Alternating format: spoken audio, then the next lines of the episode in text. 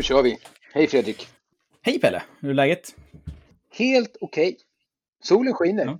Det är Mm. kallt ute. Vintern är Ja. snart här. Och det känns Ja. faktiskt ganska uppfriskande. Absolut. Jag oroar mig lite för att mina hjul på min cykel, trots dobbarna eller dubbarna, är, snart kommer halka runt. Eh, Aha, det finns en tippningsrisk när man lastar en lådcykel full med barn och eh, packning. men du har i alla fall tre hjul. Det är bättre Nej. än två. Två hjul, ett fram, Mm. ett bak. Okej, och en låda. Och en låda mellan Mm. framhjulet och styret. Men du, Ja, vad, vad, eh, vad pratade vi om förra gången? förra gången pratade vi om eh, urval. Just det. Hur vi som analytiker eller datanissar eh, hjälper till att skapa förståelse för vilka segment som faktiskt är relevanta i, i eh, analysprocesser. Och hur vi saknar kompetens för att ha full förståelse för datan innan vi modellerar den. Varför Mm. samarbete på inom organisationer eller företag mellan analytiker och datainsamlare och kanske säljare till och med eh, underlättar analyser och hjälper till att skapa den inferensen som vi behöver. Absolut, så det är en lagarbete. Allting är lagarbete, ingen kan allt. Om Nej. någon säger att de kan allt, då är det, då är det eh, lögn, förbaskad lögn och statistik. Och jag tänker, om man spelar i ett lag så är det bra om man eh, är medveten om varandras förmågor. Eh, och det är därför jag tycker att det är, bra att vi har det här samtalet. För jag tror inte att det är så många som, som på djup förstår vad en analytiker eh, eller data scientist är bra på eh, och hur vi kan få utväxling för det. Vi pratade ganska mycket om just eh, insamling av data och urvalsproblem och det som vi kallar för selection bias. Jag vill förtydliga att det vi pratade om framför allt förra vändan var selection bias och sen så finns det ju självklart flera typer av bias som confirmation bias till exempel där man har en förutfattad mening som att eh, ja, eh, Macchiarini var, var helt bestämd över att, att eh, det gick jättebra att stoppa in plaststrupar i människor. Eh, och trots att eh, datan motbevisade honom så Mm. sa han att det funkar jättebra. Eh, det var kanske inte riktigt sant. Just det. Så det är någon typ av partiskhet. eh, Precis, det är att man- confirmation bias. Just det. Eh, och att man är part i målet, att man har en, en åsikt som styr över hur man vill eh, analysera datan. Mm. Det kan ju också då vara så att man har det kan ju spegla över hur vi samlar in data också, att vi har en bestämd uppfattning. Den där datan, den måste vara fel. Därför att den, Mm. säger, inte det, den säger inte det jag, jag vill att den ska göra.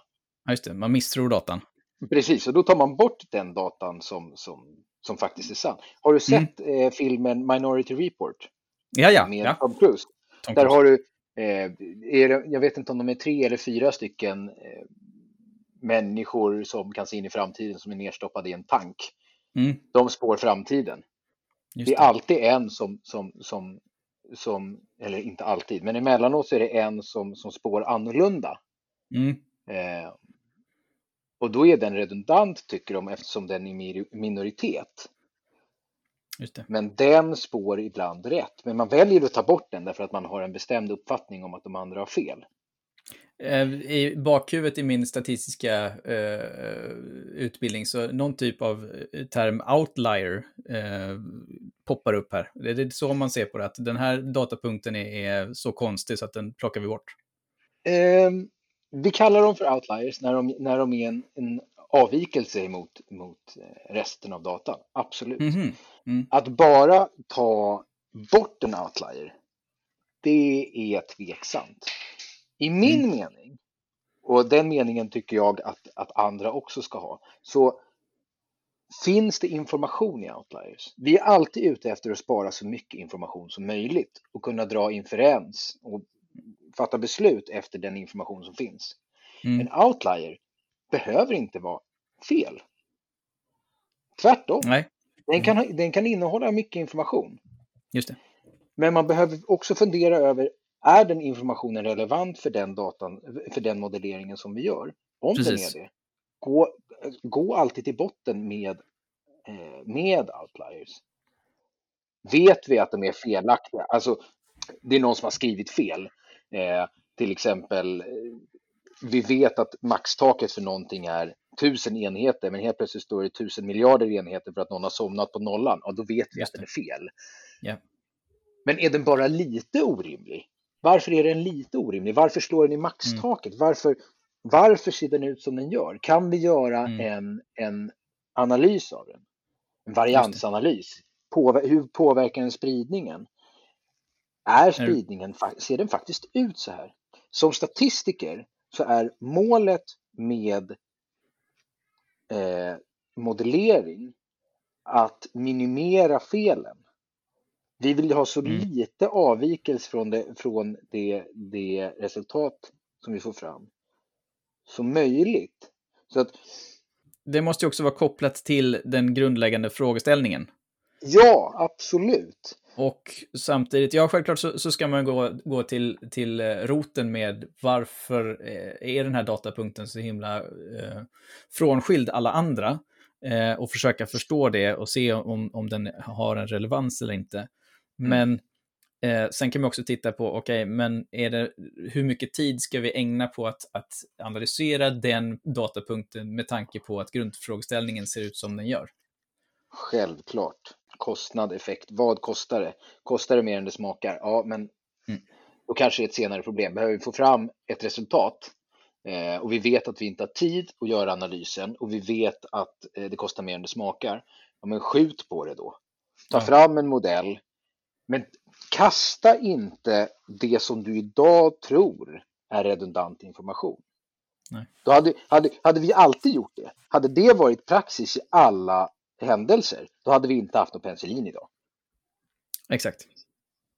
Så att man behöver alltid fundera över om avvikelsen är relevant för utveckling.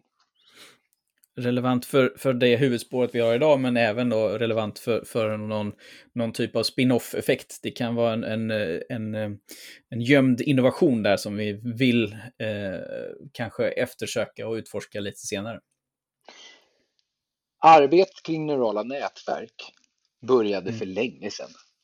Det som gör att vi idag kan jobba med neurala nätverk och det som har gjort att utvecklingen har gått framåt, det har att göra med att tv-spelsutvecklare eller dataspelsutvecklare kom på att man kan eh, modellera många, många, många små beräkningar samtidigt med hjälp av någonting som kallas för GPUer. Mm. Så att det som, det som för, för länge sedan var svårt att göra på grund av, tunga, eh, på grund av så pass tunga beräkningar eller så pass många beräkningar går mm. idag att genomföra på grund av att vi idag har eh, kapaciteten rent tekniskt sett att göra dem. Så att det kanske var redundant då för att det var svårt att räkna på det. Men idag är det definitivt inte redundant för att om man inte hade gjort det arbetet då så hade man idag inte haft bildigenkänningssystem eller röstigenkänningssystem eller eh, alla de sakerna som är byggda på djupa neurala nätverk. Så att eh, det som idag är problematiskt eller redundant behöver inte vara det i framtiden. Och eh, neurala nätverk, är det samma sak som deep learning eller är det två olika saker? Eh, neurala nätverk och djupa neurala nätverk. Mm.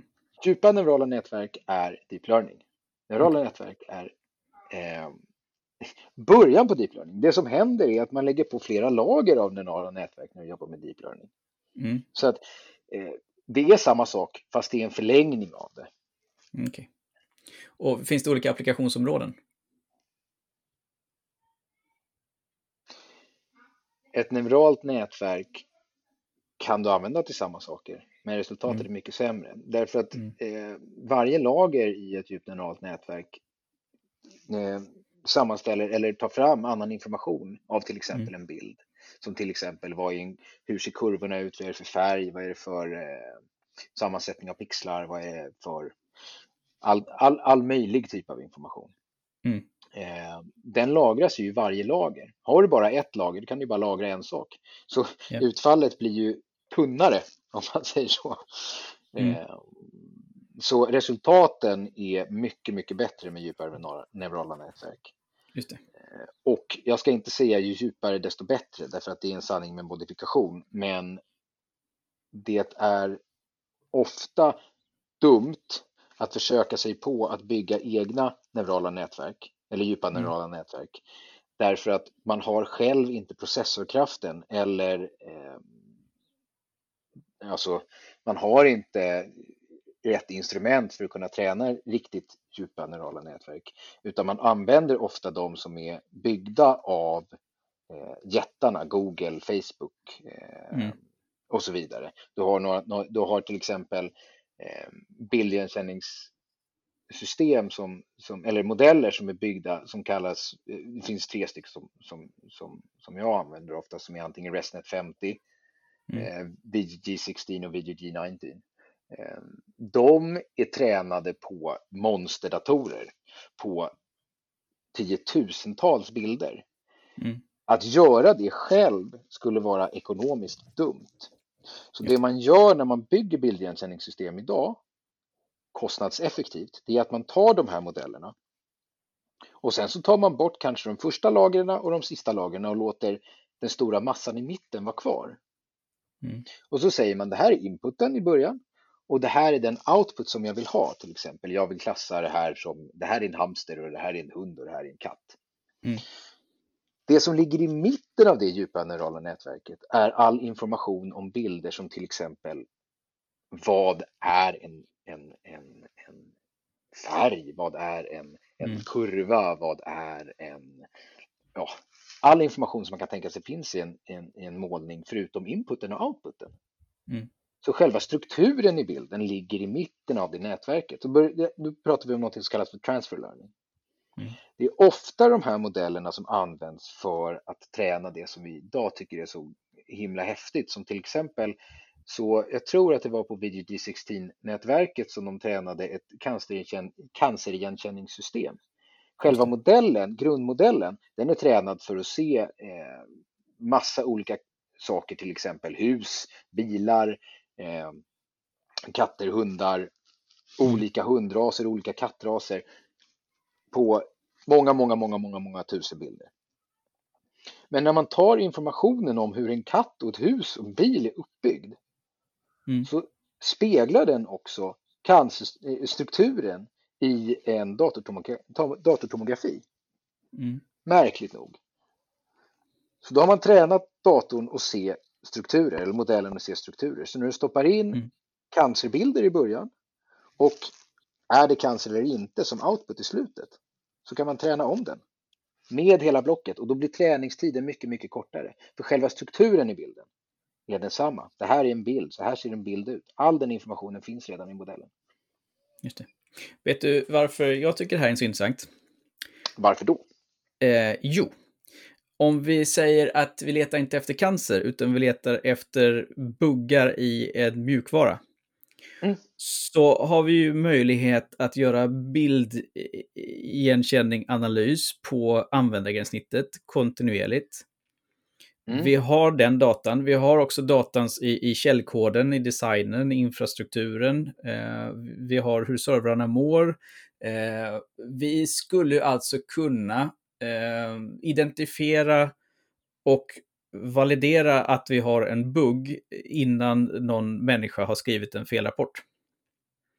Mm. Vi skulle egentligen också kunna eh, i, i, längden i, också att, att maskinen eh, själv eh, korrektar det här felet. Mm.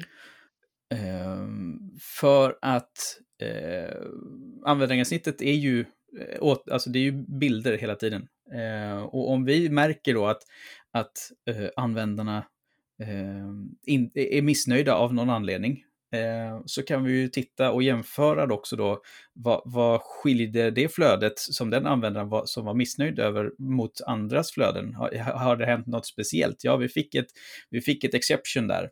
Eh, kan det ha varit det som gjorde att den användaren blev störd? Eh, och, och, jag ser den här möjligheten. Jag fick en fråga eh, härom veckan kring, ja vi har bara vår möjlighet, har bara, vår, vår defektlivscykel har bara fyra tillstånd. kan man bygga en, en defektlivscykel på fyra tillstånd? Eh, och jag började tänka på det här, vad är en defektlivscykel? Det, det, är ju egentligen det, det har jag aldrig hört förut. Det var dessutom Nej. väldigt långt. Ja, exakt. Det är jättelångt. Eh, defekt, och det är svårt att säga. Men det är ju egentligen, eh, då tittar man ju på från att en, en, en defektrapport skrivs till att den fixen är ute i produktion och det är avlöst problemet, åtgärdat liksom. Mm. Eh, jag ser det lite som så här att en, en, en felrapport är ju en observation. Mm. En felrapport är någon som har en avvikande uppfattning, eh, en, en annan förväntan än vad, vad eh, mjukvaran kunde leverera. Mm. Och, och då ser jag det som att, okej, okay, vi får in en massa sådana här observationer. De måste först eh, valideras. Är det här ett, ett egentligen ett, ett, ett fel? Eh, eller är det, som, som du sa, eh, någonting som har hänt som, som inte är ett fel, men Eh, det kan också vara en sån här, användare kan inte logga in. Nej, men okej, men du har inget konto, du ska inte kunna logga in. Eh, eller det här är en, det är inget fel, den här användaren har stoppats för att den har inte rätt säkerhetsklassning att göra det. Eh, sådana där fel måste först så säga, filtreras ut, som inte är fel, utan det, det är korrekt. Eh, när du pratar om den här rapporten, då tänker jag, mm. Eh, för mig så är ju en observation eh, inte nödvändigtvis bara en datapunkt utan det kanske är flera händelser i ett strukturerat led och slut, slutpunkten här, det är rapporten. Mm. Men som analytiker skulle jag vara intresserad av att se alla led. Alltså, vad, vad händer från början? Vad är det första som mm. leder till att rapporten faktiskt kommer i slutet? Kan man strukturera upp det som att eh, herr H klickar på den här knappen. Mm. Steg 1, steg 2. Effekt av att jag klickade, herr H klickade på knappen är det här. Effekt av det är det här.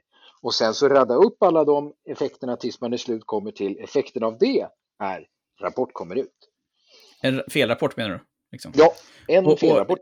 Och, och, jag ser den felrapporten ser jag som en, en, en kandidat, en input till en, en utvecklingskedja.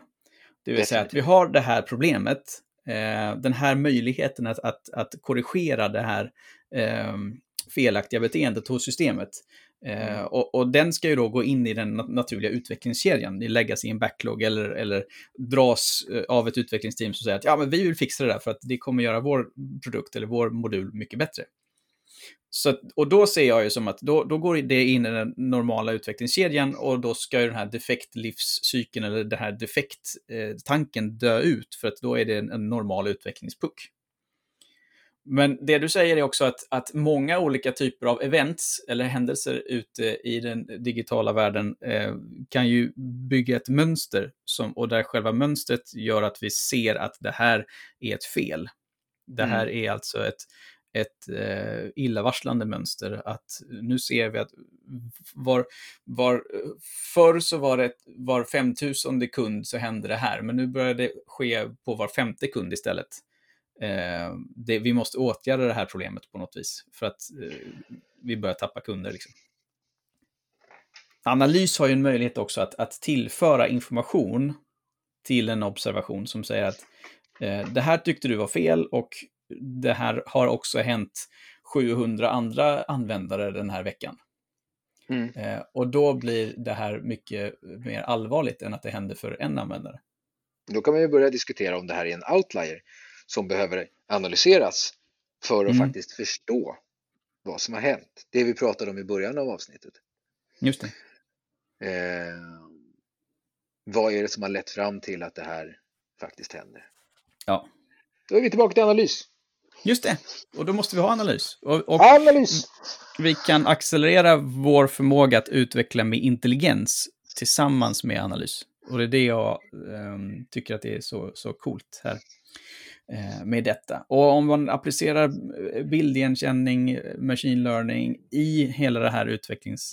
Uh, eh, landskapet i ekosystemet där vi försöker bara bygga en bra digital produkt, så, så är vi beroende av effektiva algoritmer, lösningar för att vi ska kunna eh, göra våra insatser på bästa ställe.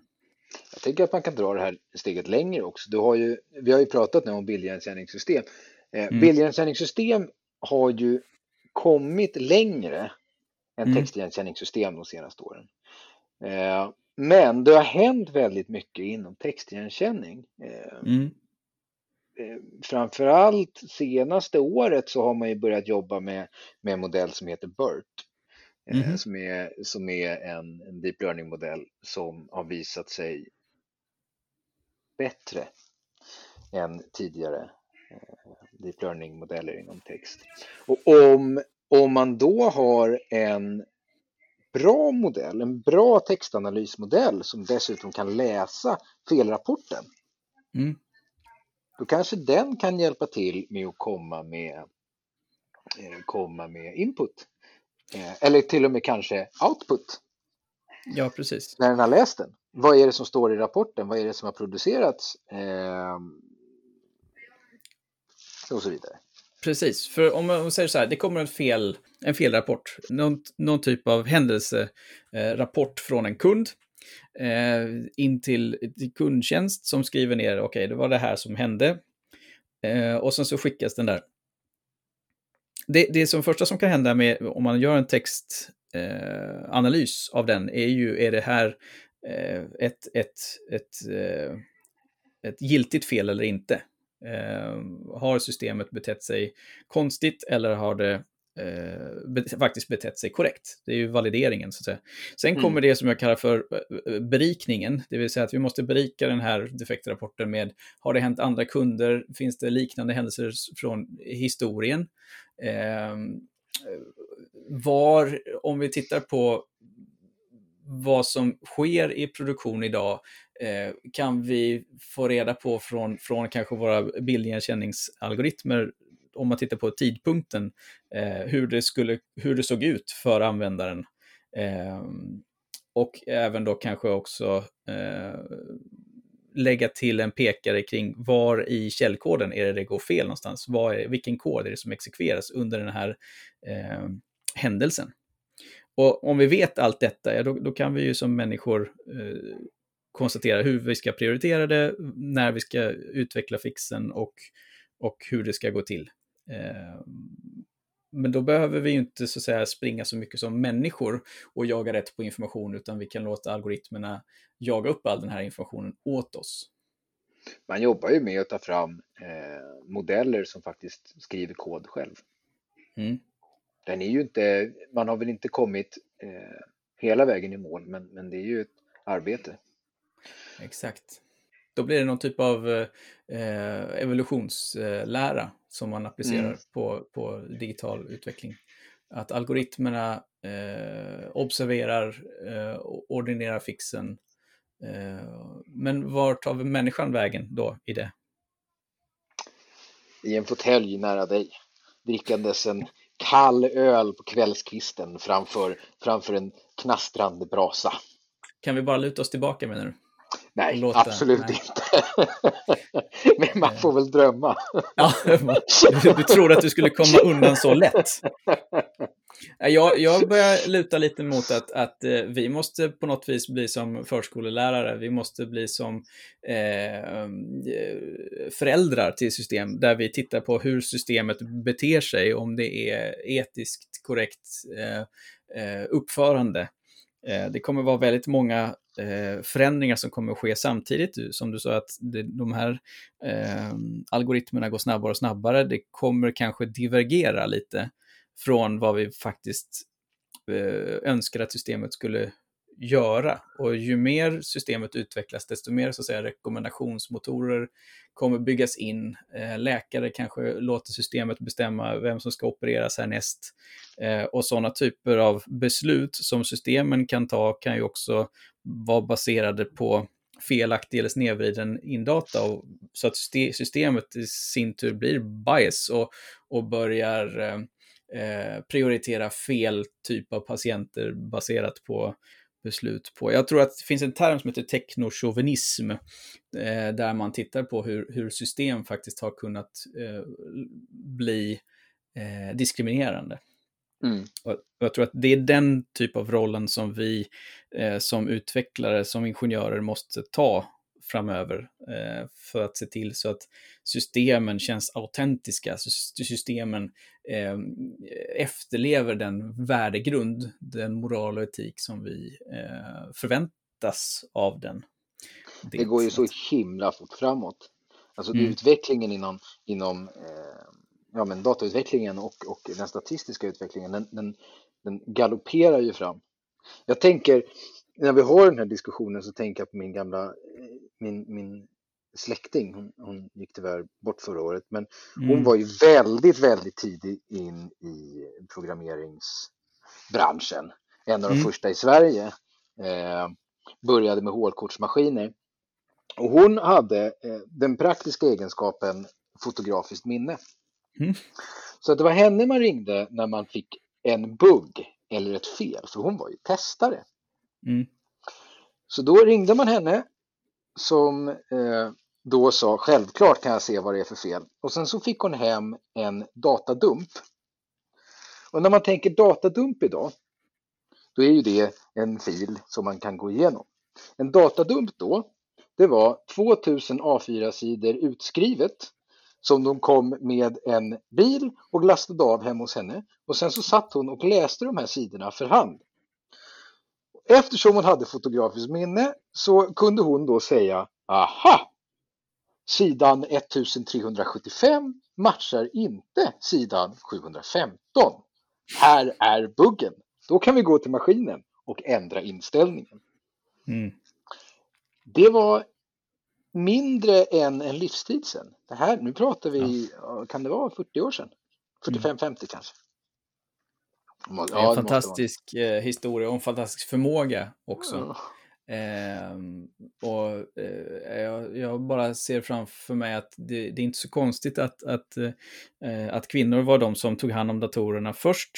Eh, jag bara eh, ser på min, min kära hustru som har förmågan att tar man fram ett foto så kan hon säga exakt vilken dag och år det fotot är ifrån i vår familjealbum. Och den typen av förmåga är ju oerhört imponerande. Oerhört, faktiskt. Jag, jag har och, svårt att komma ihåg vilket decennium. vi lever i. Ja, exakt. Eh, och jag, jag, tror och hoppas att, att vi får en mer eh, jämlik och balanserad eh, arbetsmiljö när det gäller teknisk utveckling framöver, när det handlar om att vi ser att vikten av att våra system faktiskt kommer till värde och att de levererar värde ut efter den värdegrund som vi också vill att den ska leverera i. Då det blir liksom mer, lite mer att vi uppfostrar systemen till att, att bete oss korrekt. Jag menar, vi har chattbottar, vi interagerar med, med digital teknik hela tiden. Hur ser vi till så att den här dialogen blir respektfull? Jag tror att du hade någon historia om en twitter Twitterbot som, som började um, uttala sig rasistiskt, eller hur var det? Eh, I milda ordalag lite eh, snedvrida politiska uppfattningar hade den. Så, så kan man säga. Mm. eh, och det var ju bara för att någon kom på att om jag interagerar med den här Twitterbotten på ett visst sätt eh, och skjuter in, liksom, eh, eh, vad ska man säga, eh, klandervärd input in i den här eh, algoritmen, så börjar den eh, anpassa sig utefter, jaha, är det så man ska prata med folk? Liksom? Jag tror inte att det var så att folk var och bråkade med den, utan jag tror att man bara släppte lös den så att den fick läsa allt. Ah. Och eh, Twitter är inte en politiskt neutral eh, grogrund. Nej, det är väl mer en kulspruta. Mm, varför de extrema åsikterna är de som den snappade upp. Mm. Och sen så åt vilka håll de extrema åsikterna var, eh, det behöver vi inte prata om, utan det kan man Nej. få googla till sig, eh, googla sig till själv. Eh, och vad den sa, det kan man också få googla till sig själv, så håller vi det här som en mer barnvänlig podd. Men det som jag tycker är intressant i det här är ju att det påvisar verkligen vikten av att vi börjar fundera på hur ska vi uttrycka eh, moral och etik as code. Mm. Vi måste alltså förstå vilka typer av mekanismer som vi faktiskt ska efterleva eh, när det handlar om hur digitala system ska uppföra sig. Eh, och vi måste kunna beskriva det som källkod. Mm. Och om vi inte ens kan uttrycka det själv, vad vår värdegrund är, så kan vi inte skriva ner det som kod. Vi måste alltså först gå inåt i oss själva och fundera på mänskligheten. Hur vill vi faktiskt bygga vårt samhälle framöver? Eh, och vad betyder jämlikhet? Vad betyder rättvisa? Eh, vad betyder förlåtelse? Och kunna skriva det som källkod. Och det tycker jag är en intressant utmaning framöver.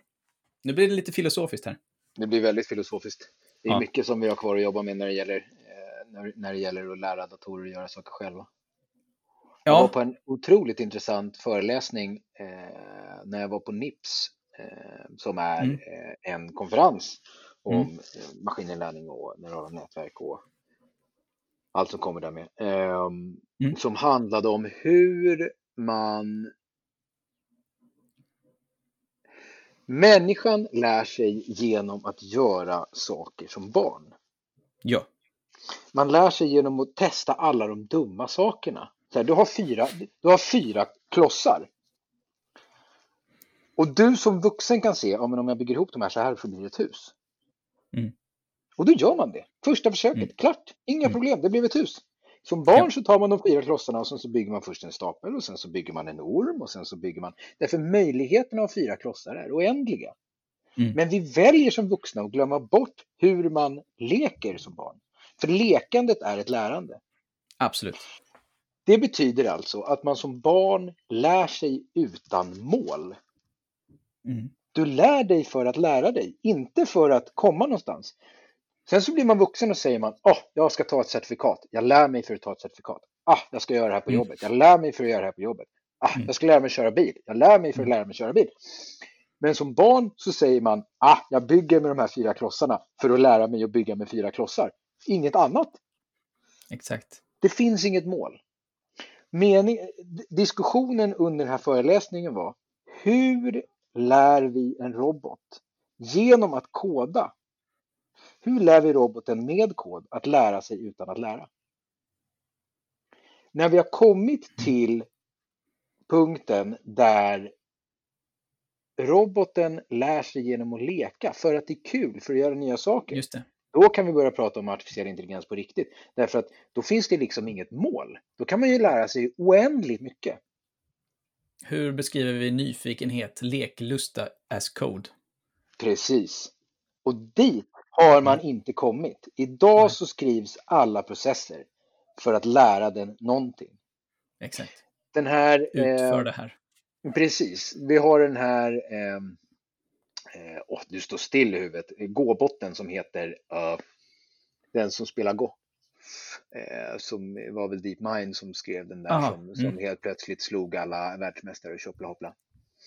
Eh, den, den tränade man på att eh, på alla, eh, eller inte på alla, men, men på väldigt, väldigt, väldigt många eh, gå-bräden som hade spelats av gåmästare i gå-turneringar. Mm. Och sen så lärde man den hur man spelade. Sen så var det någon som kom på, ja men vad händer om vi lär den spela gå utan att den vet vad gå är? Mm. Så då stoppade man in några enkla regler. Men målet var inte att vinna. Och så lät man den spela mot sig själv. Mm. På ett par dygn så slog den den första gåbotten. Och den var på ett par dygn bäst i världen på att spela gå. Ingen har någonsin Mm. slagit den här gåbotten. Och den spelar gå på ett sätt som ingen människa någonsin kunde föreställa sig möjligt. Detsamma gäller schackbotten som de har skrivit Mm. som är bäst i världen på att spela schack. Ingen har någonsin Mm. slagit den. Och den spelar jättekonstigt. Därför att den spelar inte med de förbestämda reglerna som du och jag spelar ett schack. En drottning är viktigare än en bonde. Det är inte sant, kom den här botten på. Utan allting handlar om hur ens pjäser är placerade på brädet. Det. Det är inte, det är inte värdet av pjäserna, utan placeringen av pjäserna som är det viktiga. Och så fort man, man programmerar in att olika pjäser har olika typer av värde i roboten så är det en modell som begränsar den istället för... Precis, eh, mm. precis. Så att själva tanken att vi ska lära oss med ett mål begränsar oss som människor, men det begränsar också robotarna som vi skriver och mm. koden som vi skriver. Och med detta sagt så tänker jag att vi kanske avslutar den här podden. Så, och, och, vad har vi pratat om idag då? Vi har, det är lite högt och lågt den här Ja, gången. det var lite högt och lågt. Det var filosofiskt och det var eh, artificiella intelligenser och deep learning och statistiska modeller och bias och confirmation bias och jag minns inte riktigt. Nej, men jag minns ett ord som du sa som inte jag fattade. Inferens, tror jag du sa. Inferens. Slutsats. Ah, okej. Okay. Perfekt, då klubbar vi det. Inferens alltså, slutsats. Typ. Typ. typ. Jag du, jag ska, tack Pelle. Jag ska, jag ska googla inferens eh, så att vi får en mer... Eh, ja, kan du göra det nu? Eh. Vi, vi googlar det. Då säger Googla det. A conclusion reached, reached on the basis of evidence and reasoning. Precis, eh, alltså faktabaserad slutsats typ. Ja. Då, ja, någon... Evidensbaserad slutsats! Oh, Ja, öppna inte den dörren igen. Nej, slutledning eller slutsats. Den, ja. den ty de typer av eh, vad vi faktiskt kommer fram till med hjälp av statistiska modeller är statistisk mm. inferens. Just det. Och vill ni höra om vad jag tycker om ordet evidensbaserat så kan ni lyssna i avsnitt tre. Ja. Eh, men tack Pelle, ta hand om dig och så hörs vi snart igen. Ja men tack detsamma.